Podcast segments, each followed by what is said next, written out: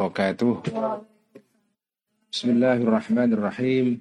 Alhamdulillahi rabbil alamin wassalatu wassalamu ala asyrafil anbiya'i wal mursalin sayyidina wa habibina wa maulana wa qurrati a'yunina Muhammadin wa ala alihi wa ashabihi wa man tabi'ahum bi ihsanin ila yaumiddin. Rabbi syrah li sadri wa yassir li amri wa hlul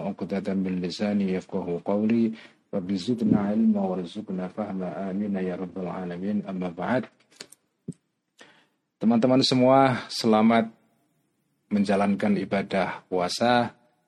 Semoga ibadah kita diterima oleh Allah Subhanahu wa taala dan ibadah ini bisa mengubah kita dari diri kita yang sebelumnya kurang baik menjadi lebih baik atau yang sekedar baik menjadi lebih baik lagi. Eh, teman-teman, uh, seperti sudah saya umumkan berkali-kali, bulan puasa ini saya akan ngaji dua kitab seperti tradisi yang sudah saya jalankan selama ya kira-kira empat tahun lima tahun terakhir ini saya setiap puasa ngaji dua kitab. Yang pertama adalah kitab Ihya meneruskan ngaji ikhya yang biasa setiap malam Jumat ditambah dengan kitab Al-Ghazali yang baru. Alhamdulillah saya sudah menghatamkan tiga kitab ya selama tiga tahun terakhir ini. Yang pertama adalah kitab Al-Mungkif Minad Dolal. Yang kedua kitab Mishkatul Anwar. Dan yang terakhir yang baru khatam bulan Ruah atau Sya'ban kemarin adalah kitab Faisalut Tafriqah. Tiga-tiganya adalah karya Al-Ghazali. Nah tahun ini ya saya akan bulan puasa ini saya akan ngaji kitab Al-Ghazali yang lain. Ini kitab dalam bidang akidah. Ini untuk pertama kali saya membaca kitab mengenai akidah karya Al-Ghazali. Sebelumnya saya lebih banyak membaca kitab mengenai tasawuf ya. Tahun ini kita akan belajar tentang akidah ya akidah Islam yang sesuai dengan rumusan para ulama yang disebut dengan ulama madhab Ash'ariyah. Ya. Ini adalah madhab al-sunnah wal jamaah yang diikuti oleh mayoritas umat Islam seluruh dunia, yaitu madhab Ash'ariyah selain madhab Maturidiyah. Nah, akidah Ash'ariyah ini banyak diikuti oleh umat Islam yang mengikuti dua madhab. Ya yaitu madhab syafi'i dan madhab maliki. Ya, jadi kedua umat kedua madhab ini yaitu syafi'i dan maliki ini uh, pengikut-pengikutnya umumnya mengikuti akidah asyariyah. Sementara pengikut madhab Hanafi yang dominan di di negara-negara seperti India, Pakistan, Turki ya sebagian dan kawasan-kawasan di Asia Tengah yang dulu merupakan uh, bekas jajahan atau bekas Uni Soviet ya, negara-negara Asia Tengah, itu mereka umumnya adalah pengikut madhab Hanafi. Nah pengikut madhab Hanafi sebagian besar mengikuti madhab atau akidah Maturidiyah. Karena itu akidah Asyariyah dan Maturidiyah adalah akidah mayoritas umat Islam di seluruh dunia sejak berabad-abad yang lalu ya sampai sekarang ini ini dua akidah yang paling dominan. Nah, kita akan ngaji kitab yang agak tebal memang ya. Agak tebal ini eh, kitab Al-Iqtisad yang edisi Darul Minhaj. Ini lumayan tebal. Ini uh, mungkin akan saya khatamkan dalam waktu dua tahun. Biasanya kalau saya membaca kitab Al-Ghazali itu yang tambahan di luar Ihya ya, itu saya khatamkan dalam waktu setahun. Dalam waktu setahun.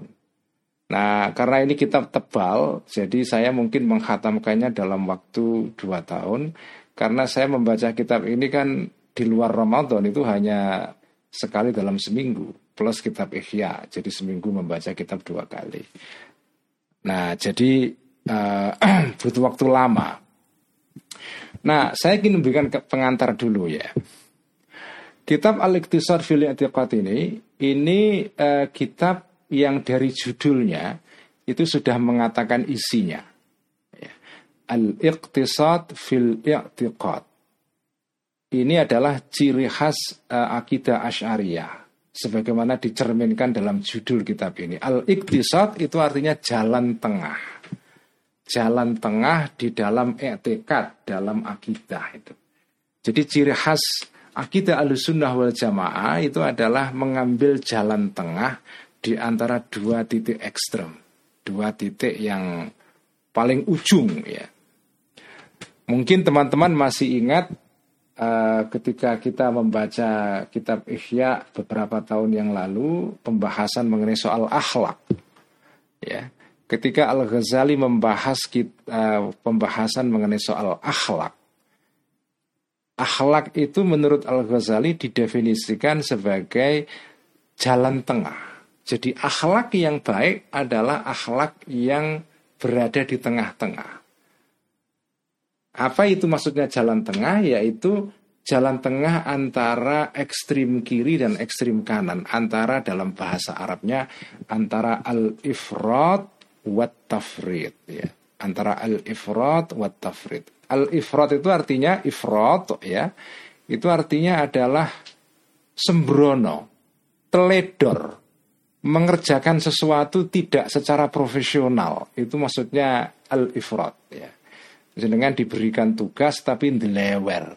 Delewer itu bahasa pesantren. Artinya delewer itu ya ya tidak serius mengerjakan sesuatu, tidak tidak sungguh-sungguh ya. Itu namanya al-ifrat. At-tafrid artinya adalah ekstrim eh, yang di kanannya. Ekstrim kiri itu al-ifrat, at-tafrid artinya ekstrim kanan yaitu mengerjakan sesuatu secara berlebihan ya mungkin semacam perfeksionisme tetapi yang kebablasan. Jadi jenengan mengerjakan sesuatu secara at-tafrid yaitu ya berlebihan ya. Jadi kalau al-ifrat itu sembrono, teledor, delewer, at-tafrid itu artinya ekstrim yang sebaliknya yaitu mengerjakan sesuatu secara berlebihan yang dalam bahasa agama disebut dengan al-hulu yaitu uh, kebablasan. Nah akidah al-sunnah wal jamaah itu akidah yang berada di tengah-tengah. Jadi kembali kepada pembahasan mengenai akhlak. Jadi kalau kita ini saya mau menghubungkan ya bahwa Al Ghazali itu salah satu ciri cara pandangnya, ciri khas cara pandangnya adalah selalu mengambil jalan tengah dalam banyak hal. Ya. Dalam bidang akhlak misalnya beliau mendefinisikan akhlak itu sebagai uh, sesuatu disebut akhlak kalau itu di tengah-tengah.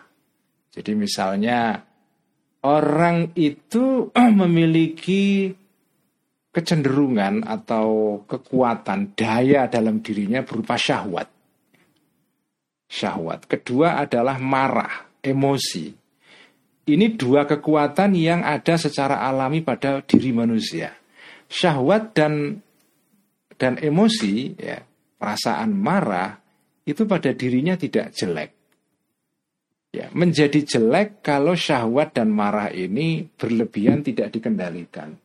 Jadi kalau syahwat itu terlalu minus, itu juga jelek. Karena kalau syahwat manusia itu kurang, eh, defisit, ya, minus, ya orang itu akan mengalami eh, rasa kesakitan. Dia akan sakit, jatuh sakit karena tidak punya hasrat untuk makan.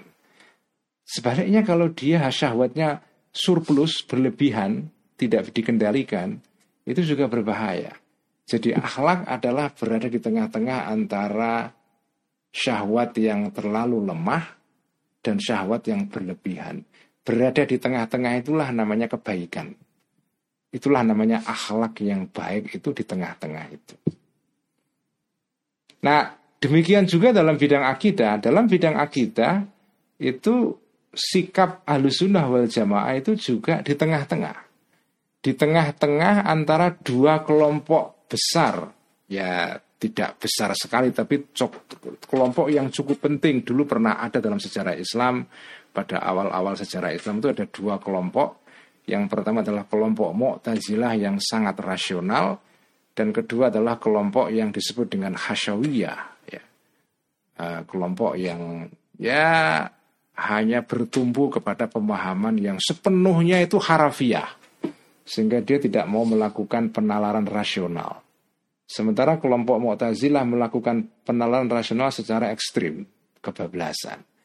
Nah, kita alusunah wal jamaah itu menempuh jalan tengah.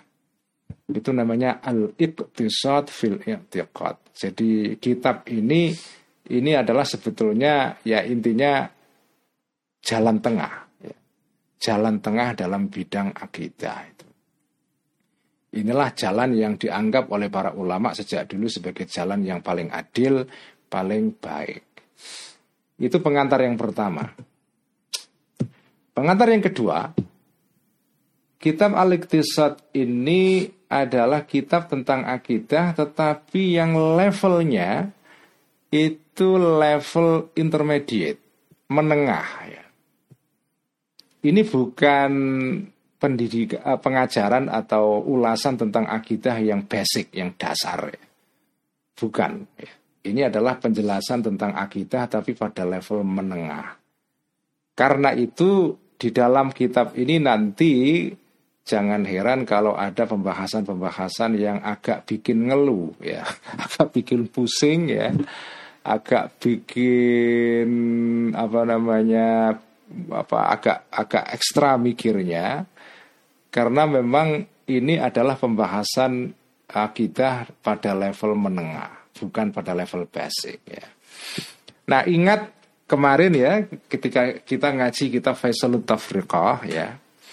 Ketika kita ngaji kita Faisalut Tafriqah ada satu pasal pembahasan uh, oleh Al-Ghazali tentang sesuatu yang menarik sekali yaitu pembelaan Al-Ghazali terhadap pemahaman agama ala orang-orang awam atau akidahnya orang-orang awam. Jadi Al-Ghazali dalam kitab Faisal At-Tafriqo yang sudah saya khatamkan kemarin itu dalam bagian-bagian akhir membela orang-orang awam.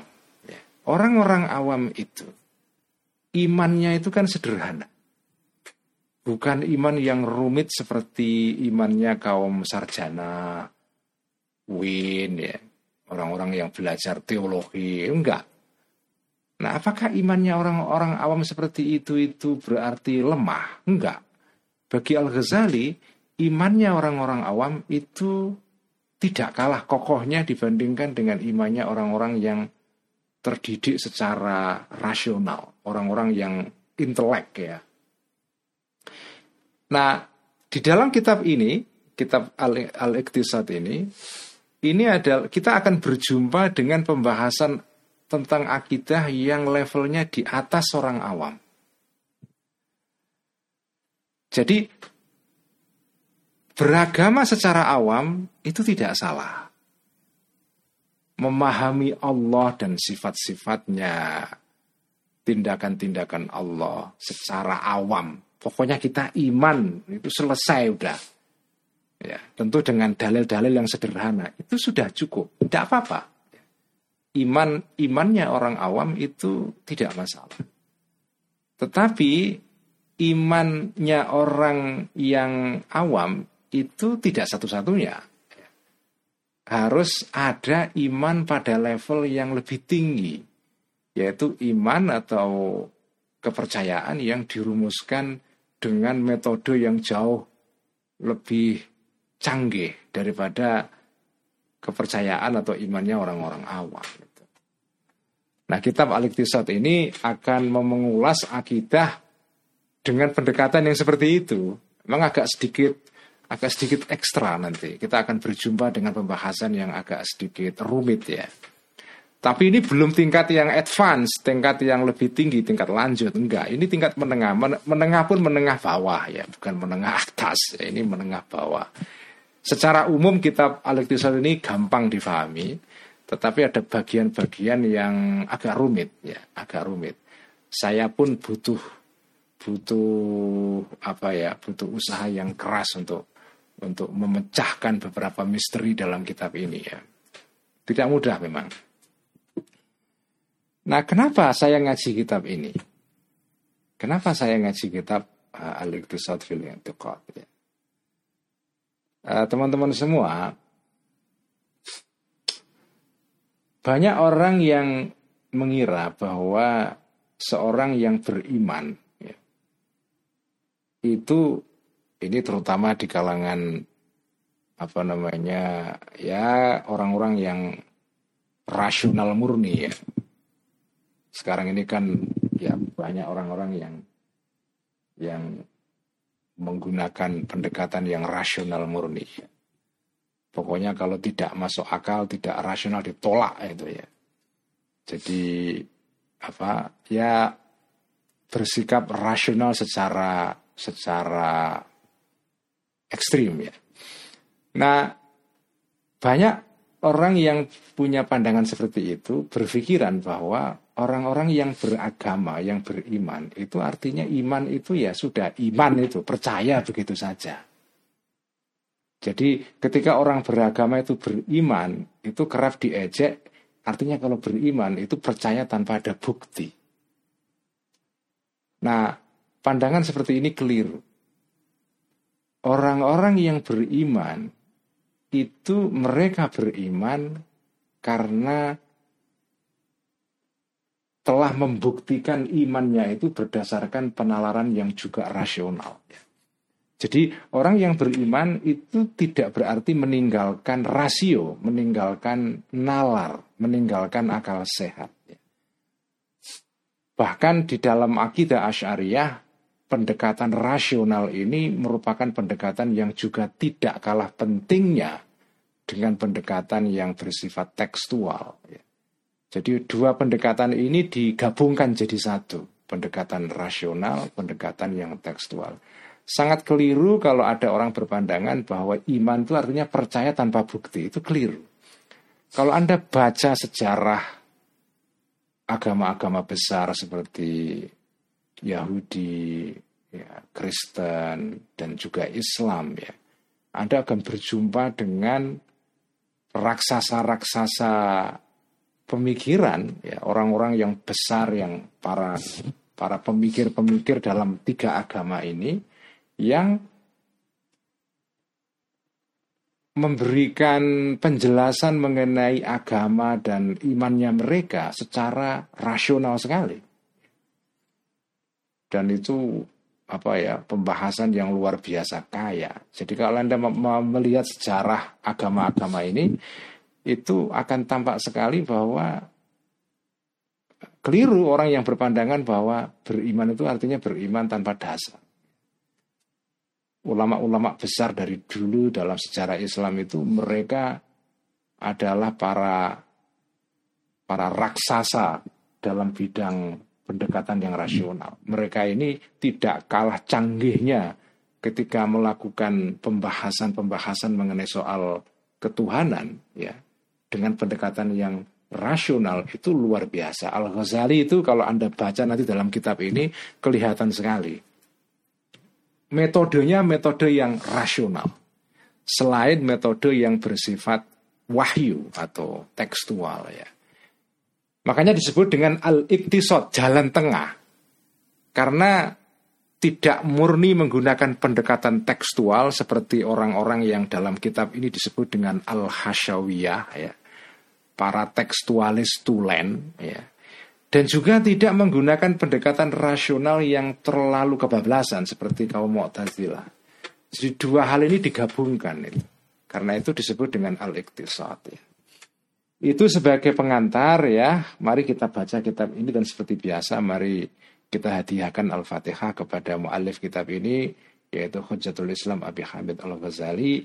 Semoga kita mendapatkan berkah dari kitab ini dan juga kita hadiahkan Al-Fatihah juga kepada junjungan kita Nabi besar Muhammad Sallallahu Alaihi Wasallam, para keluarganya, sahabat, tabiin, tabiut tabiin, para wali-wali, terutama wali Songo, para muassis pendiri jamiah jamiah Islam di Indonesia, terutama jamiah Nahdlatul Ulama, wabil khusus Khadratus Syekh Hashim Asy'ari, hadiah Al-Fatihah untuk uh, ayah saya Ki Abdullah Rifai, mak saya ibunya Salamah, ibu saya ibunya Fatmah, dan juga kepada orang-orang tua kita, saudara-saudara kita, teman-teman kita, guru-guru kita yang telah mendahului kita semua, lahum jami'an al-fatihah.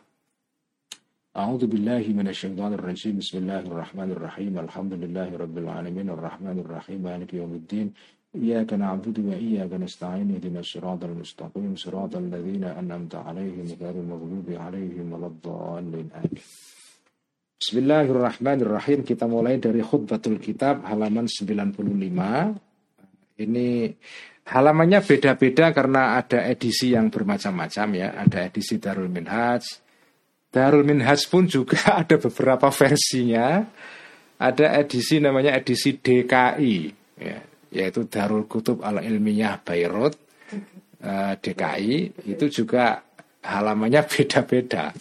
Jadi monggo disesuaikan saja, tapi ini saya menggunakan edisi Darul Minhaj dan saya saya kira sebagian besar teman-teman juga menggunakan edisi ini. Saya akan baca mukaddimah ini secara harafiah saja tidak usah saya artikan karena nanti saya akan baca dengan memberikan makna setelah masuk kepada pembahasan. Khutbatul kitab Bismillahirrahmanirrahim wa bihi nasta'in qala Syekhul Imamu Hujjatul Islami Abu Hamidin Muhammad bin Muhammad bin Muhammadin Al-Ghazali yuqaddasallahu ruha. Jadi Al-Ghazali itu nama aslinya adalah Muhammad sebetulnya. Muhammad bin Muhammad bin Muhammad.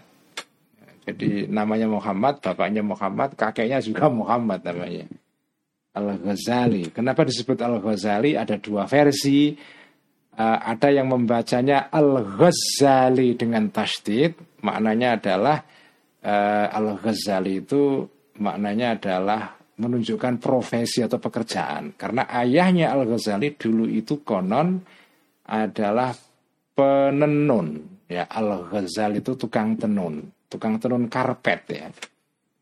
Uh, bisa dimaklumi karena keluarga Al-Ghazali itu uh, lahir di daerah namanya Tus atau Khurasan, Persia dan Persia sejak dulu dikenal sebagai kawasan yang memproduksi karpet yang terbaik ya. Jadi Al-Ghazal artinya tukang penenun karpet. Jadi profesi keluarga Al-Ghazali itu ya jual atau menenun ya. Atau dibaca Al-Ghazali artinya menunjukkan tempat tempat tempat atau desa tempat Al-Ghazali lahir itu desa Ghazalah Ya, desa Ghazalah, kotanya namanya Tus, provinsinya adalah Khurasan, negaranya adalah kalau sekarang negara Iran atau negara Persia. Ya.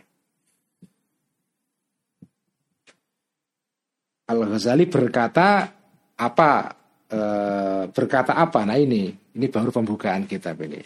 Alhamdulillahilladzi istaba min safwati ibadihi isabatal haqqi wa ahlas sunnah wa khassahum min baini sairil firaqi bimazayal minnah.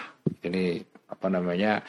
Salah satu ciri khas kitab-kitab klasik itu dibuka dengan mukaddimah yang berima, bersaja ya. Jadi kalau jenengan baca harus sadar mengenai saja ini, jangan blender saja, nggak ada, nggak sadar mengenai adanya rima di sini. Jadi ini ini rima saja ini.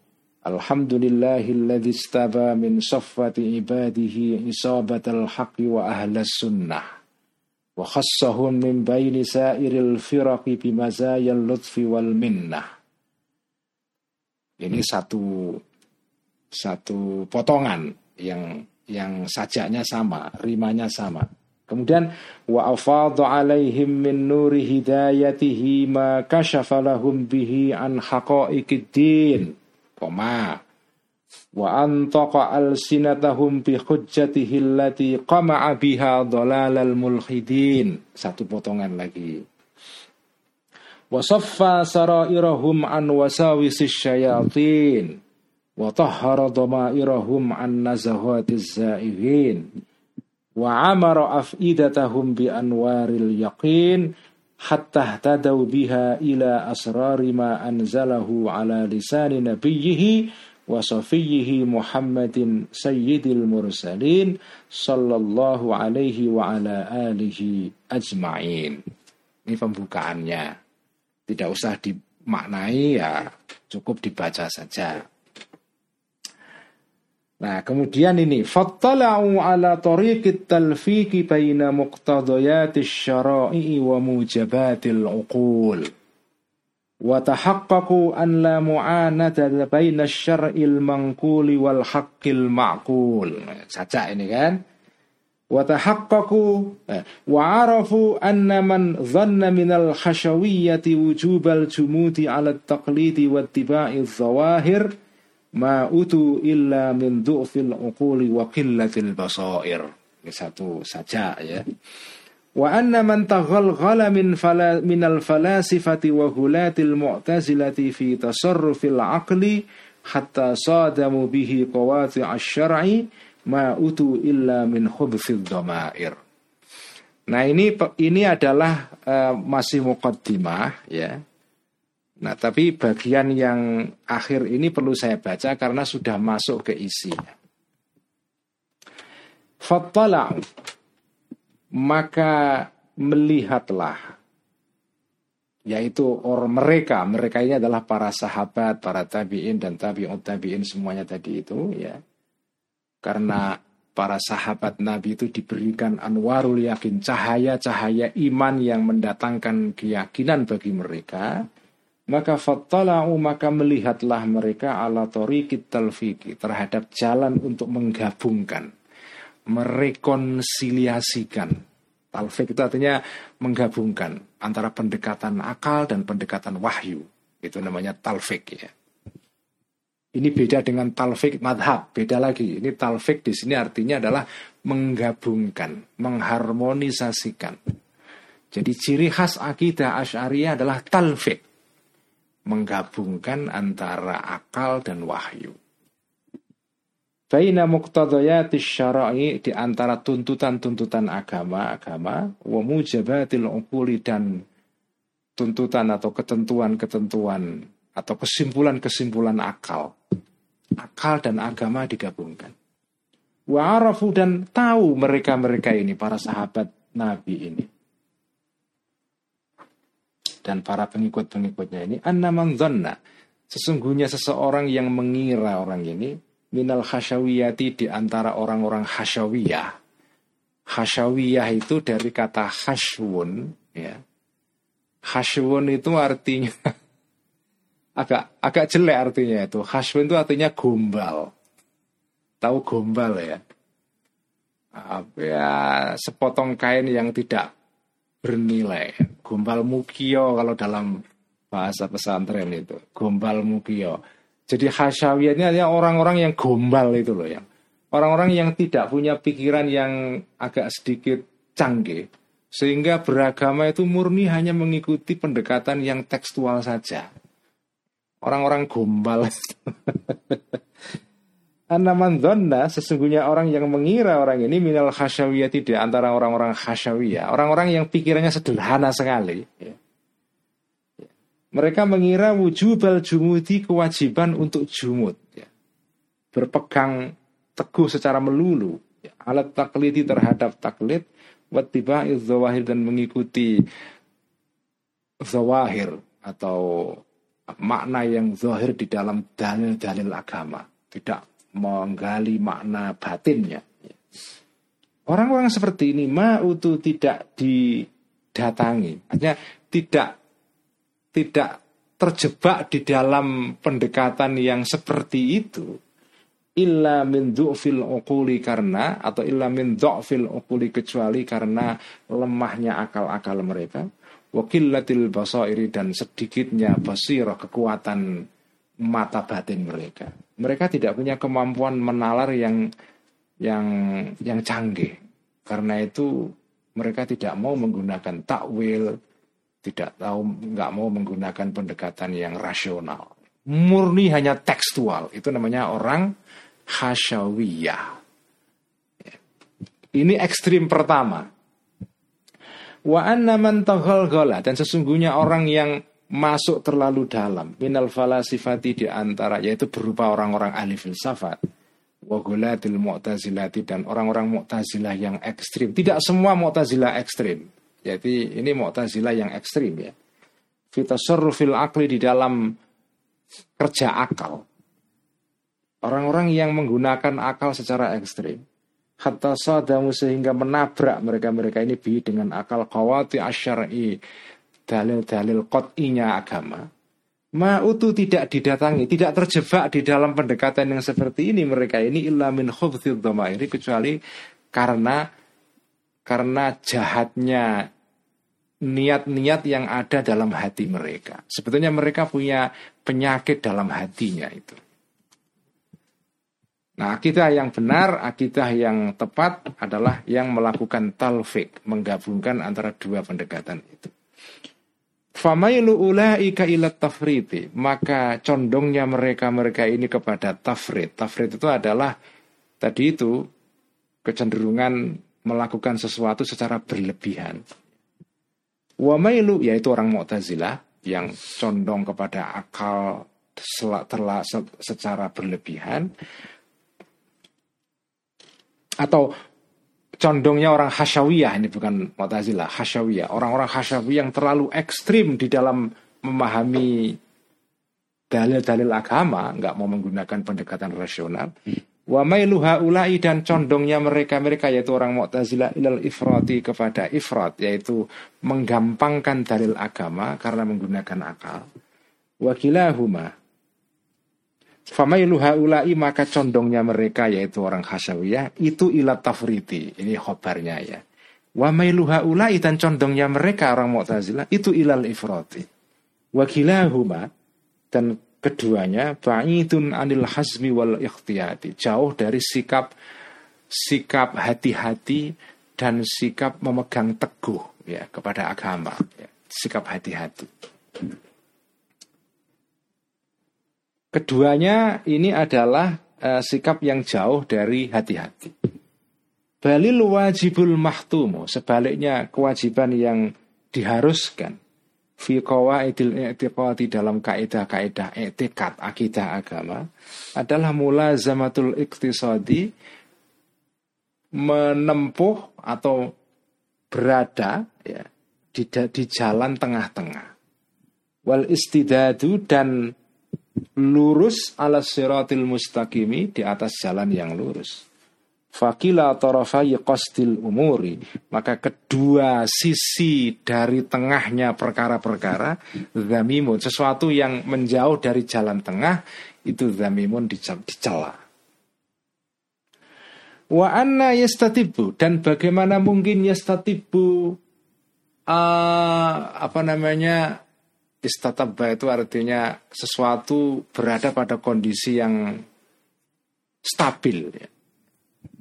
Artinya tidak terjadi perang, damai itu istatibu. Wa anna yastatibu dan bagaimana bisa stabil, bisa tenang ya. Ar-rasyadu uh, rasyad yaitu petunjuk. Bagaimana jenengan bisa mendapatkan petunjuk yang lurus, yang benar ya. Liman bagi orang ya kenau yang menerima orang ini bitaklidil asari wal khabari ya. Terima dengan mentaklidi meniru men, men, mentaklid ya al asari wal khabari asar yaitu hadis wal khabari dan juga hadis kalau jenengan hanya taklid saja kepada al asar wal khabar berita jenengan mempercayai berita begitu saja tanpa apa namanya menalar. Wa yungkiru mana hijal bakhti wan nazari dan mengingkari orang ini mana hijal bakhti wan nazari jalan-jalan atau metode-metode untuk meneliti, menalar dan memikirkan. Bagaimana mungkin orang yang tidak mau menggunakan nalarnya itu mendapatkan ar-rasyad, petunjuk. Tidak mungkin. Hanya mendapatkan berita, dengar ada hadis ini, hadis itu, lalu memaknai hadis itu secara harafiah saja. Tidak menalarnya. Gak mungkin orang seperti ini bisa dapat petunjuk. Awalaya alamu. Apakah tidak mengetahui orang ini Annau sesungguhnya keadaan berikut ini La mustanadali syar'i Tidak ada dasar bagi agama Illa qawlu sayyidil bashari Kecuali ucapan ya sabda Sayyidil Bashar, pemimpin manusia yaitu kanji Nabi. Wa burhanul akli dan dalil akal itu adalah huwaladzi adalah sesuatu arrafa yang bisa mengenalkan akal ini sidqahu terhadap kebenarannya qaulul bashar, qaulu sayyidil bashar, fima dalam hal akhbaro yang memberikan kabar sayyidul bashar tadi itu. Apakah orang ini tidak tahu bahwa dasar beragama itu adalah dua. Pertama, percaya kepada segala hal yang uh, dikatakan oleh kanjeng Nabi. Tetapi jenengan tidak bisa percaya kepada sabda dan ucapan kanjeng Nabi kalau sampai tidak menggunakan nalar. Bagaimana jenengan bisa tahu kalau seseorang itu nabi kalau tidak menggunakan dalil akal? Gak bisa. Bagaimana jenengan uh, bisa uh, percaya bahwa nabi itu ada?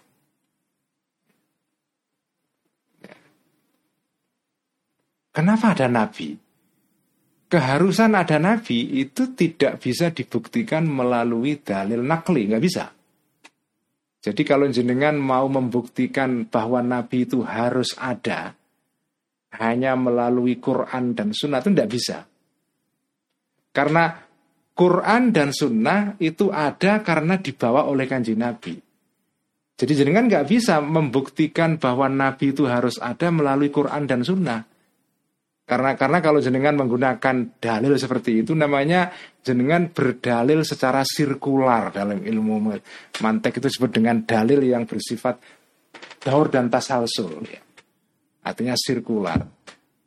Jenengan membuktikan bahwa Nabi harus ada dengan Quran dan Sunnah. Sementara Quran dan Sunnah itu dibawa oleh kanji Nabi. Jadi nggak bisa jenengan menggunakan Quran dan Sunnah untuk membuktikan adanya Nabi jenengan harus membuktikan adanya nabi dengan akal dulu. Setelah akal bisa membuktikan adanya nabi, baru sampai bisa percaya kepada sesuatu yang dibawakan di nabi, yaitu berupa Quran dan Sunnah. Jadi sebelum jenengan bisa membuktikan bahwa nabi itu harus ada, jenengan tidak bisa mempercaya apa pun yang dikatakan oleh nabi. Setelah jenengan membuktikan bahwa nabi itu mungkin ada dan dan bahwa Allah itu mungkin mengutus kanjeng Nabi, mengutus seorang Nabi kepada hamba-hambanya untuk membawa kebenaran, ya, baru jenengan bisa mempercayai kalau segala hal yang dibawa kanjeng Nabi atau para Nabi-Nabi itu benar adanya. Jadi jenengan tidak bisa mempercayai Nabi tanpa menggunakan akal. Tidak bisa jenengan menggunakan dalil syarak, dalil berupa Quran dan Sunnah, nggak bisa. Karena Quran dan Sunnah itu ada setelah ada Nabi. Nabi turun ke, ke turun di bumi, diutus oleh Allah membawa Quran dan Sunnah. Jadi sebelum jenengan percaya kepada Quran dan Sunnah, jenengan harus percaya dulu bahwa Nabi itu benar-benar ada dan bahwa Allah itu mungkin mengutus seorang Nabi. Dan itu semua nggak bisa dibuktikan kalau nggak menggunakan akal. Nah kalau jenengan tidak mau menggunakan akal seperti orang-orang khasyawiyah, bagaimana jenengan bisa mendapatkan petunjuk ar-rasyad itu? Jadi dalil akal tidak bisa dihindarkan dalam beragama. Keliru kalau ada orang berpandangan bahwa beragama itu artinya iman titik, ya. Atau dalam istilah dalam bahasa Inggris disebut dengan the leap of faith. The leap of faith, lompatan iman itu teorinya seorang filosof dan teolog dari uh, apa, Denmark ya. Namanya Soren Kierkegaard ya. Soren Kierkegaard itu seorang teolog Kristen dari Denmark ya. Dia mengenalkan istilah namanya leap of faith, lompatan iman. Jadi iman itu kayak orang melompat. Jadi ya tentu tentu tidak sesederhana ini pandangannya Kierkegaard ya. Tapi intinya adalah orang itu beriman karena melompat. Jadi tidak melalui proses dalil macam-macam. Ya udah, iman ya iman saja. Kenapa kamu? Ya saya iman. Ada dorongan yang datang dari dalam diri kita yang tidak bisa ditolak, yang memaksa saya untuk iman. Jadi iman itu seperti dorongan yang tiba-tiba kayak banjir bandang yang menerjang kota. Jadi jadi mendadak. Jadi iman itu datang secara melompat, tidak melalui jalan setapak, jalan pelan-pelan kayak orang jalan kaki atau jogging gitu ya pelan-pelan. Ada proses menalar. Enggak, iman itu lompatan. Memang betul, iman itu mula-mula lompatan.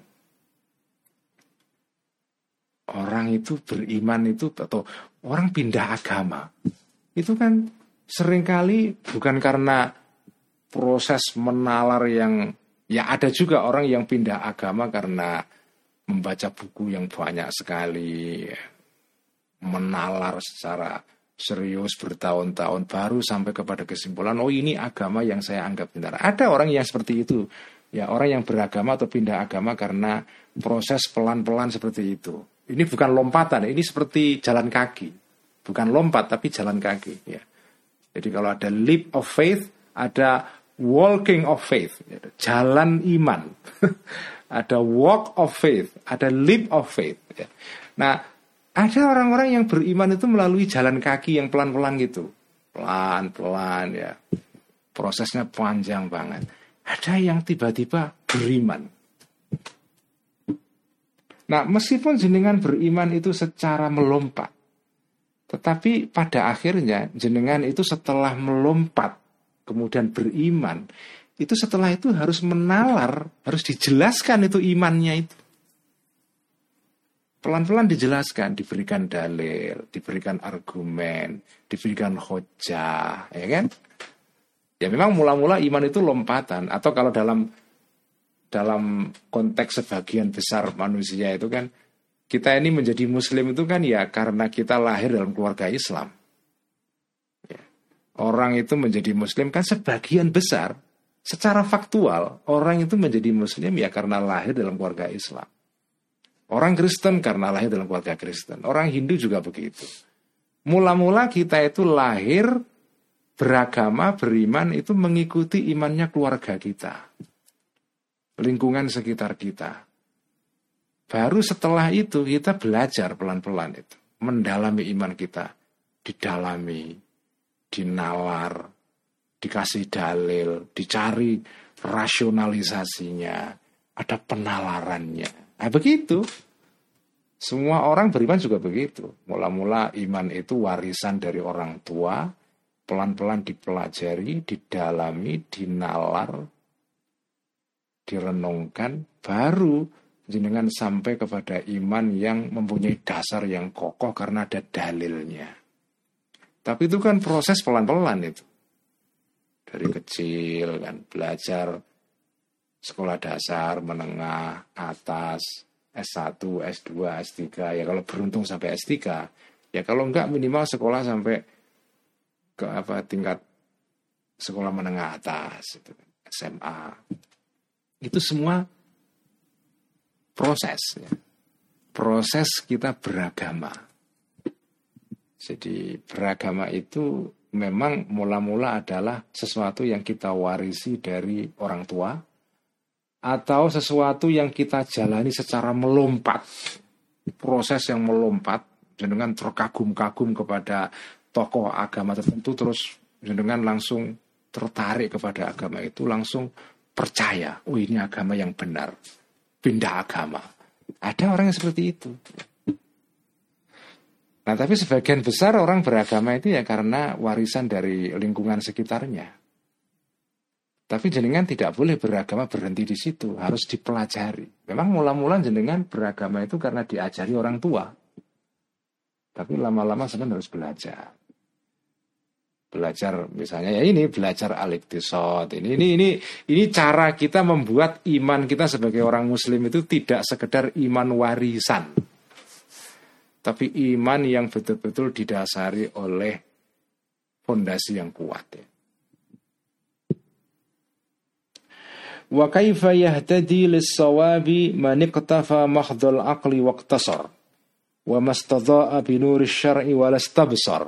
Nah, ini juga bersaja ya. Wa kaifa yahtadi lis-sawabi? Bagaimana bisa mendapatkan petunjuk lis-sawabi kepada kebenaran man seseorang iktafa yang mengikuti orang ini mahdhul akli murni akal, murninya akal, waktasara dan membatasi diri orang ini. Wa mastata'a dan tidak mau mengambil cahaya, mengambil petunjuk orang ini binuri syar'i dengan cahaya agama besar dan tidak mengambil apa istabsara itu mengambil penglihatan. Maksudnya mencari petunjuk melalui agama supaya jenengan dapat melihat. Mungkin jenengan hanya memakai akal tok tanpa menggunakan wahyu, nggak bisa juga. Falaita syiari, ini adalah sehat ta'ajub ya.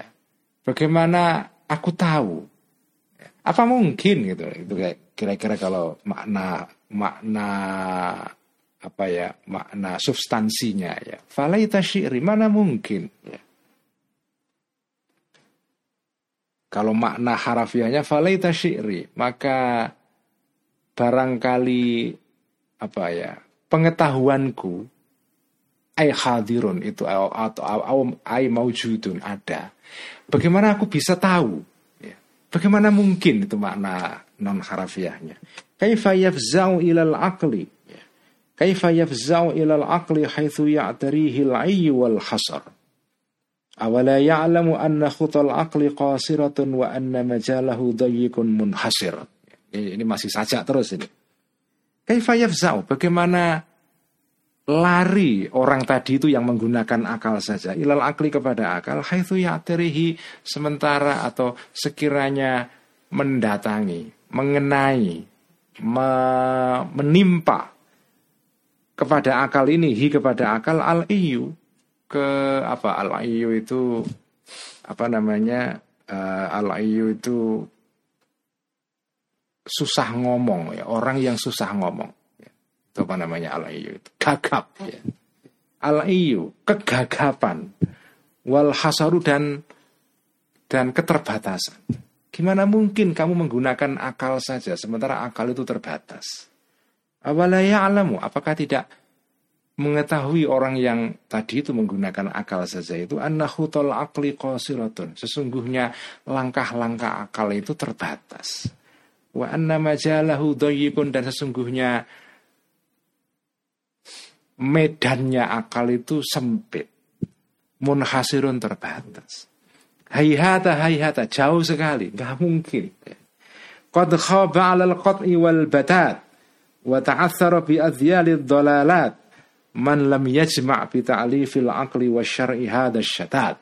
Ini masih anu ya, mukaddimah makanya makanya salah satu ciri khas kitab-kitab kuno dulu itu di bagian mukodimahnya itu selalu kita membaca bentuk prosa tapi berbau puisi karena bersaja.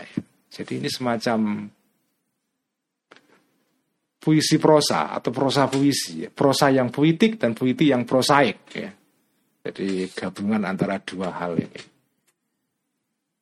Tradisi seperti ini sudah hilang sekarang orang-orang modern kalau nulis kitab ya udah gelender saja nggak ada nggak ada nggak ada seninya. Ya. ya mungkin seninya seninya lain ya. Tapi ini tradisi ulama dulu. Jadi mukaddimah kitab itu uh, ditulis dengan bentuk yang puitik sekali. Dan biasanya ulama berlomba-lomba untuk membuat mukaddimah yang indah sekali. Dan dulu itu ada profesi khusus untuk menulis tulisan yang indah. Misalnya para raja-raja dulu itu, raja-raja itu, itu mereka punya staf khusus penulis atau bukan penulis dalam pengertian nulis tangan enggak, penulis artinya sastrawan, seorang yang memang lihai sangat sangat sangat uh, apa namanya lihai dan punya keterampilan yang canggih untuk menulis uh, prosa yang indah sekali karena surat para raja-raja kepada raja yang lain itu harus ditulis dengan bentuk yang sangat witik ya, sangat sastrawi ya. Nah, tradisi itu ditiru oleh para ulama ulama-ulama zaman dulu kalau nulis mukaddimah kitab itu indah sekali, penuh dengan uh, rima dan saja. Tapi ini bukan puisi, ini prosa pada dasarnya, nafar ya, bukan bukan syair atau bukan qasidah. Karena kosida itu bentuknya lain, ada ada wazannya, ada ada skalanya, ada rumusnya dalam satu bait sekian kata ya. Kalau ini enggak tidak memakai rumus jumlah kata dan kemudian jumlah vokal dan konsonan enggak. Tapi tetap mengandung rima sajak yang indah dan juga pilihan-pilihan katanya ya itu juga indah sekali. Ya ini nggak bisa dinikmati kecuali orang yang paham bahasa Arab ya terutama bahasa Arab klasik. Karena kalau bahasa Arab modern itu lain lagi udah. Jadi hal seperti ini nggak bisa dilakukan kalau tidak menggunakan bahasa Arab klasik. Bahasa Arab modern nggak bisa dipakai untuk menulis mukaddimah kitab yang indah seperti ini nggak bisa. Karena bahasa Arab modern itu makin prosaik, makin prosa, makin berupa nasar, jadi unsur-unsur sastranya itu berupa apa namanya ya uh, asosiasi bunyi, uh, diksi kata-kata yang mempunyai makna tertentu itu hilang udah semua. Ini bagian dari ya kecenderungan modern pada umumnya kan. Modernisasi itu kan salah satu akibatnya yaitu orang kehilangan sensitivitas pada hal-hal yang bersifat puitik ya. Atau puitik dalam pengertian tradisional ya, udah hilang semua itu. Hayhata hayhata ya, jauh jauh sekali bauda ya. Uh, hayhata hayhata ini disebut dengan isim fi'il ya. Hayhata hayhata. Jauh sekali. Gak mungkin orang hanya menggunakan akal saja. Qad khaba telah atau sungguh rugi alal qat'i atas memutus artinya memutus dari dari dalil syara, dalil agama dan murni menggunakan akal saja. Qad khaba, sungguh rugi seseorang itu ya alal qad'i e, karena memutus dalil yang bersifat syara, dalil tekstual. Wal batat dan memutus. Wa dan terseok-seok orang ini bi dolalati dengan apa namanya? ekor-ekornya kesesatan dia ber, ber, ber, ber, berpegangan kepada ekor tapi ekor ini ekor kesesatan Kot sungguh rugi Failnya khoba man orang. Lam yajma yang tidak menggabungkan orang ini Bita'li fil akli dengan Mengharmonikan antara akal Wasyari dan agama Ya.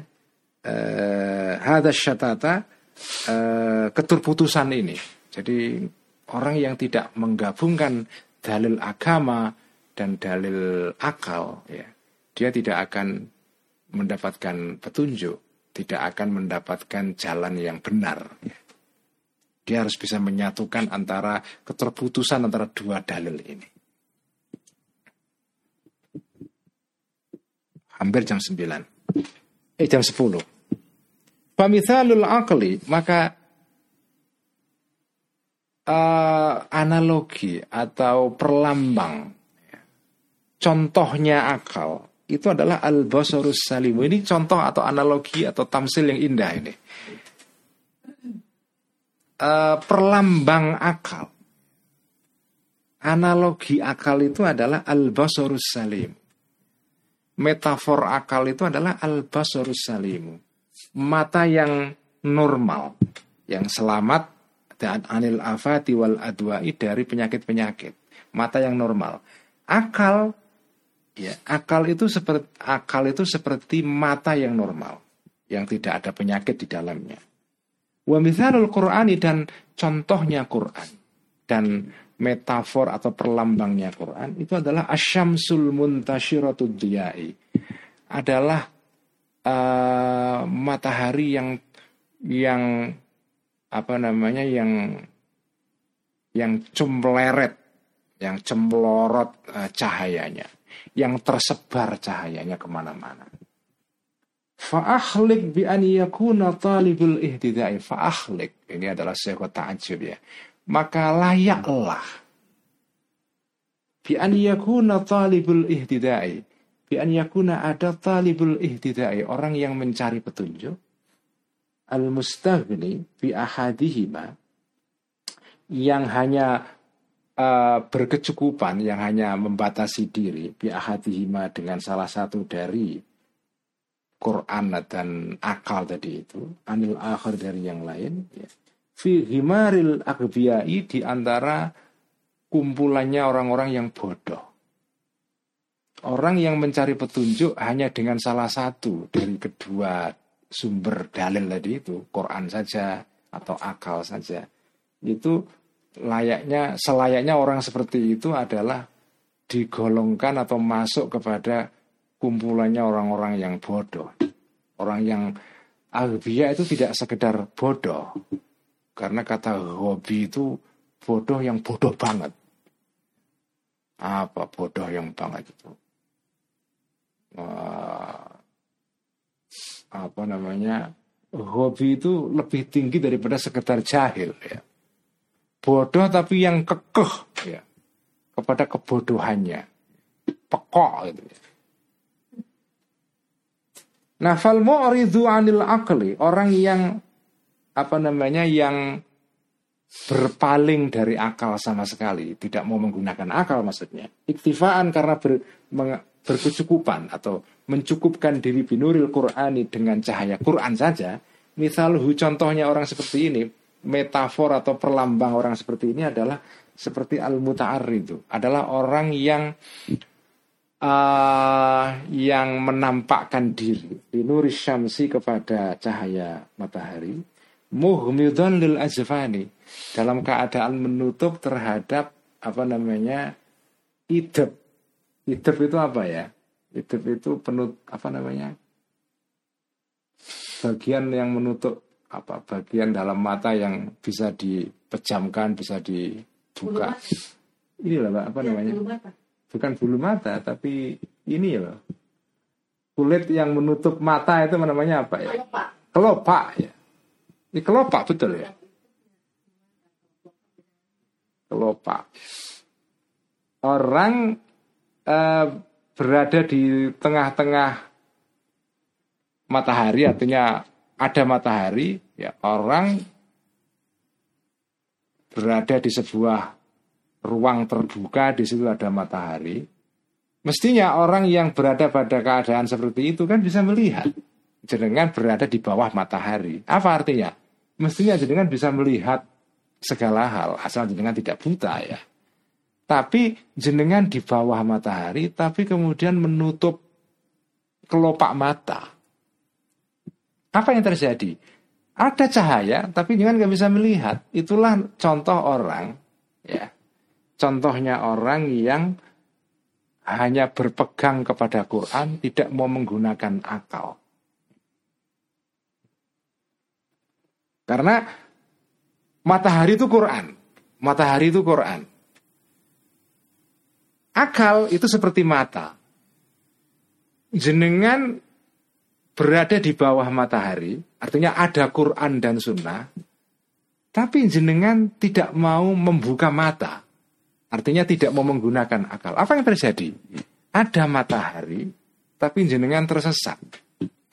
Jenengan buktikan sendiri kalau nggak percaya. Besok pagi kalau habis sahur nanti setelah pagi besok kalau ada matahari, jenengan coba jenengan keluar rumah. Kalau besok tidak mendung ya, kalau ada matahari besok pagi, coba jenengan keluar rumah. Kemudian jalan di jalan, kemudian tutup mata. Apa yang terjadi? Yang terjadi jangan akan nabrak-nabrak. Padahal kan aneh. Kalau nabrak-nabrak di tengah malam yang gelap gelita itu bisa dimaklumi. Dengan berjalan di tengah hutan, di tengah malam gelap gelita, nggak ada matahari, ya nabrak-nabrak maklum. Lah ini di tengah hari, jenengan jalan, jenengan bukan orang buta, kok nabrak-nabrak? Alasannya karena dengan tutup mata itu aneh banget. Itulah contoh orang yang beragama hanya menggunakan dalil Quran saja, tidak menggunakan akal. Ini bagus sekali ini apa tamsilnya ini.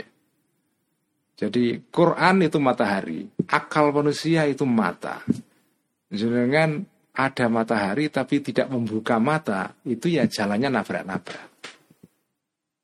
Fala farqa bainahu wa bainal umyani, maka tidak ada perbedaan antara orang ini dan antara orang yang apa namanya yang buta.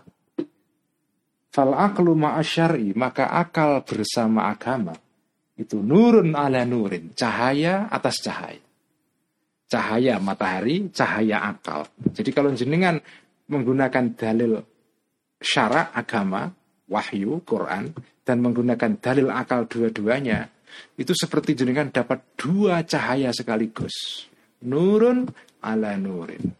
Itu seperti dalam ayat dalam surat An-Nur yang dibahas dalam kitab Mishkatul Anwar dulu yang sudah kita khatamkan dua tahun yang lalu. Allahu nurus samawati wal ard. Mathalu nuruhi al ayah nurun ala nurin yahdillahu li nurihi man yasha. Ini ini ini ini contoh yang bagus ya. Jadi orang yang berada di bawah matahari nabrak-nabrak karena matanya ditutup, jalan tidak dibuka matanya. Itu ya orang seperti itu nggak ada bedanya dengan orang buta. Padahal dia nggak buta itu. Padahal nggak buta itu. Wal mulakhidhu bil ainil awra'i li ahadima 'ala al-khususi mutadallin bi hablin bi habli hururin. Wal mulakhidhu dan orang yang melihat bil ainil awra'i dengan mata yang sebelah saja mata yang dalam bahasa Jawa itu kero ya. Apa mata kero dalam bahasa Indonesia? Eh, jul, juling ya. Juling ya. Orang yang matanya cuma satu. Ya. Kayak perompak gitu namanya. Kayak bajak laut. Ya. Orang yang melihat dengan mata satu saja li ahadima kepada salah satu dari akal atau atau wahyu ya. Jadi dia hanya menggunakan akal saja atau wahyu saja. Alal khusus secara khusus itu mutadallin. Orang ini seperti berpegang bihabli gururin dengan mata eh, dengan tali berupa kesesatan. Orang yang menggunakan dalil Quran tok tanpa menggunakan akal itu seperti orang berdiri di tengah-tengah matahari siang jalan itu sambil menutup matanya. Apa yang terjadi? Orang itu akan nabrak-nabrak. Itu contoh orang yang menggunakan dalil akal saja dalil Quran saja tanpa menggunakan dalil akal. Sementara orang yang menggunakan dalil akal saja itu seperti orang berjalan di tengah malam yang gelap gulita, tidak ada matahari, walaupun matanya dibuka, nabrak-nabrak juga. Nabrak-nabrak juga. Walhasil kesimpulannya adalah dua orang tadi ini itu sama-sama berpegang kepada tali yang sesat ya, bihafli hururin. Artinya berpegang kepada tali atau ikatan yang salah. Berpegang kepada apa namanya tampar atau tali yang salah. Yang tepat ya kalau jenengan berjalan di bawah matahari atau ada lampu dan mata jenengan dibuka, nah, itu baru jenengan bisa jalan dengan baik. Wasayat tadihulaka dan akan jelas bagimu ayuhal mutasyawifu sebagai orang yang ingin mengetahui masalah ini ilal ittilai orang yang kepingin, yang berhasrat ilal ittilai ala qawaidi aqaidi ahli sunnati untuk mengetahui kaidah-kaidah akidah-akidahnya ahli sunnah wal jamaah al muqtarihu tahqiqaha biqawati'il adillati. Ini saya baca agak cepat karena ini kitabnya tebal ini. Al muqtarihu yang mengusulkan tahqiqaha untuk mentahkik terhadap apa itu ahli sunnah atau itu ahli sunnah biqawatil adillati dengan dalil-dalil yang pasti. Apa failnya ya tadi? Apa yang jelas? Apa yang akan jelas? Annahu sesungguhnya keadaan berikut ini lam yasta'thir bitaufiqi. Tidak akan bisa uh, apa namanya uh, memonopoli atau ya monopoli itu ista'tharo memiliki secara khusus ya Bitaufiki untuk menggabungkan lil jam'i untuk mengharmonikan baina syar'i wa tahqiqi antara agama wa tahqiqi dan mentahkik melalui akal. Memverifikasi melalui akal. Farikun apa namanya kelompok ya. fa'ilnya tidak ada kelompok yang bisa melakukan harmonisasi antara dalil agama dan dalil akal ini kecuali isi wahadal fariki selain kelompok ini yaitu kelompok ahli sunnah wal jamaah. Fashkurillah ta'ala maka syukurlah engkau kepada Allah ta'ala alaktifaika karena mengikutinya kamu karena mengikutinya kalian di asarihim kepada jejak-jejaknya ahli sunnah wal jamaah. Alaktifaika terhadap mengikutinya engkau li asarihim kepada jejak-jejaknya ahli sunnah wal jamaah. Wan khiratika dan masuknya engkau fisil kini di dalam uh, apa namanya barisan uh, apa namanya kelompok mereka. Waduhulika dan masuknya engkau fi himarihim di dalam golongan mereka alusunnah wal jamaah dalam kelompok mereka kelompok himar itu orang yang banyak sekali jumlahnya waktilatika bifirqatihim dan campurnya engkau dan uh, bergaulnya engkau dengan kelompok alusunnah wal jamaah. Fa'asaka antuh syaro maka semoga engkau antuh syaro digiring engkau di apa namanya dibangkitkan engkau nanti di hari kiamat yaumul kiamat pada hari kiamat fi zumratim di dalam golongannya ahli sunnah. Semoga jenengan nanti di hari kiamat karena mengikuti orang-orang ahli sunnah dalam bidang akidah ini jenengan dikumpulkan nanti bersama mereka ya. semoga kita nanti ya kalau apa ya di hari kiamat kita dikumpulkan bersama Imam Ghazali, bersama orang-orang yang orang-orang ulama besar, ulama-ulama yang yang besar-besar ini yang merumuskan akidah Ahlussunnah wal Jamaah ini. Taala meminta kami kepada Allah taala an yusaffiya asrarana untuk membersihkan uh, apa namanya uh, hati-hati kami atau rahasia-rahasia kami. An kaduratud dalali dari dari dari kekotoran uh, kesesatan. Dari kekotoran-kekotorannya kesesatan. Wa dan menutup me, apa namanya apa namanya me, melingkupi menutupi Allah kepada asrarana binuril hakikoti dengan cahaya kebenaran Semoga hati kita diliputi oleh Allah dengan cahaya kebenaran. Wa an yukhrisa al sinatana. Dan semoga Allah membuat bungkam al sinatana kepada lisan-lisan kami anin nutki bil batil untuk mengucapkan sesuatu yang batil.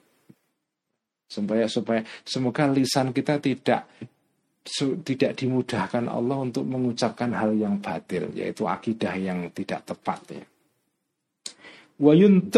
Dan membuat bicara Allah kepada al-sinah kepada mulut-mulut kita uh, bil haki mengucapkan terhadap kebenaran wal hikmati dan hikmah. Innahul karimu sesungguhnya Allah adalah yang maha pemurah Al-Faidul Minnati yang berlimpah-limpah nikmatnya Al-Wasi'ur Rahmati yang luas kasih sayangnya. Nah ini mukaddimah ya. Malam ini kita menyelesaikan mukaddimah Nah nanti di dalam membaca kitab ini seterusnya teman-teman Saya akan membaca agak cepat ya. Tidak seperti membaca kitab Ikhya yang agak santai karena nggak ngejar khatam ya. Dalam kitab ini, dalam membaca kitab ini saya memang agak sedikit mengejar khatam dalam waktu dua tahun. Karena tebal sekali ini. Jadi ini ya kira-kira dua tahun lah ya. Dibaca dalam waktu dua tahun. Jadi tapi agak sedikit cepat. Ya. Jadi saya bacanya tidak kata per kata, tapi mungkin saya baca dua kata, tiga kata sekaligus saya maknai secara uh, langsung saja, tidak makna gandul kata per kata ala pondok pesantren. Nanti kelamaan itu. Nanti nggak khatam-khatam. Tapi yang penting yang penting kesimpulan ngaji malam ini adalah akidah asyariyah intinya adalah talfik talfik dan taufik mengharmonikan, menggabungkan antara akal dan wahyu. Orang yang hanya menggunakan Quran saja tidak memakai akalnya seperti orang berjalan di siang hari ada matahari terang benderang tapi nabrak-nabrak karena matanya ditutup. Orang yang hanya menggunakan akal saja seperti berjalan di malam hari, di malam yang gelap gulita, walaupun matanya dibuka tetap nabrak-nabrak juga. Itu tamsil atau perlambang dari dua kelompok yang ekstrim ini. Ahlussunnah wal Jamaah berada di tengah-tengah ya. Apa itu akidah yang tengah-tengah nanti? Jangan jangan apa namanya eh, buru-buru ingin mengetahui sekarang ya pelan-pelan ya pelan-pelan nanti kita akan pelajari apa itu uh, bentuk atau isi konten dari akidah yang tengah-tengah yang moderat ini ya ini kayak temanya kemenak sekarang ini moderasi beragama ini. makanya alusunah wal jamaah itu memang ya moderasi beragama itu ya alusunah wal jamaah itu memang ya.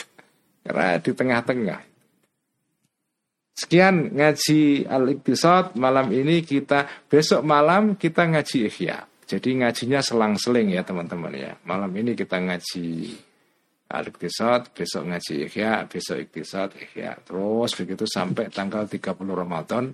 Saya akan usahakan ngaji Ramadan ini sampai tanggal 30. Uh, eh, kalau dulu kan tanggal 25 atau tanggal 20 prei kan. Ini enggak kita akan ngaji sampai tanggal 30 karena kitabnya tebal. Jadi harus agak sedikit uh, ngotot. Tapi insya Allah ya tetap saya akan mencoba menerangkannya dengan santai ya. Santai. Seperti biasa mari kita tutup dengan bacaan salawat tibil qulub. Allahumma salli على سيدنا محمد طب القلوب ودوائها وعافية الأبدان وشفائها ونور الأبصار وضيائها وعلى وصحبه وسلم. اللهم صل على سيدنا محمد طب القلوب ودوائها وعافية الأبدان وشفائها ونور الأبصار وضيائها وعلى آله وصحبه وسلم. اللهم صلِّ على سيدنا محمد طب القلوب ودوائها